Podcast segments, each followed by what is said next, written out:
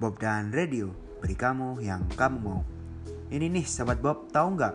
Tulus batal mengisi konser musik Z Project OP Drive in konser serial yang digelar di Stadion Aquatic Center, Gelora Bung Karno. Tulus batal hadir di konser tersebut karena sedang jatuh sakit. Jadi, sahabat Bob, hal ini juga dibenarkan oleh Asana Tiur Tobing selaku bisnis manajer Tulus Company.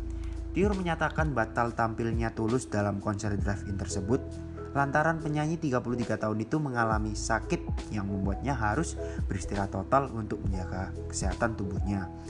Tapi teman Bob tahu nggak sih sempat tersiar kabar bahwa batalnya konser tersebut lantaran hasil rapid test Tulus itu reaktif COVID-19 meskipun panggung telah siap 99%. Namun, Tiur tak bisa menanggapi kabar tersebut dan hanya menjelaskan kalau pelantun lagu Jangan Cintai Aku Padanya ini hanya membutuhkan istirahat total untuk pemulihan kondisi tubuhnya.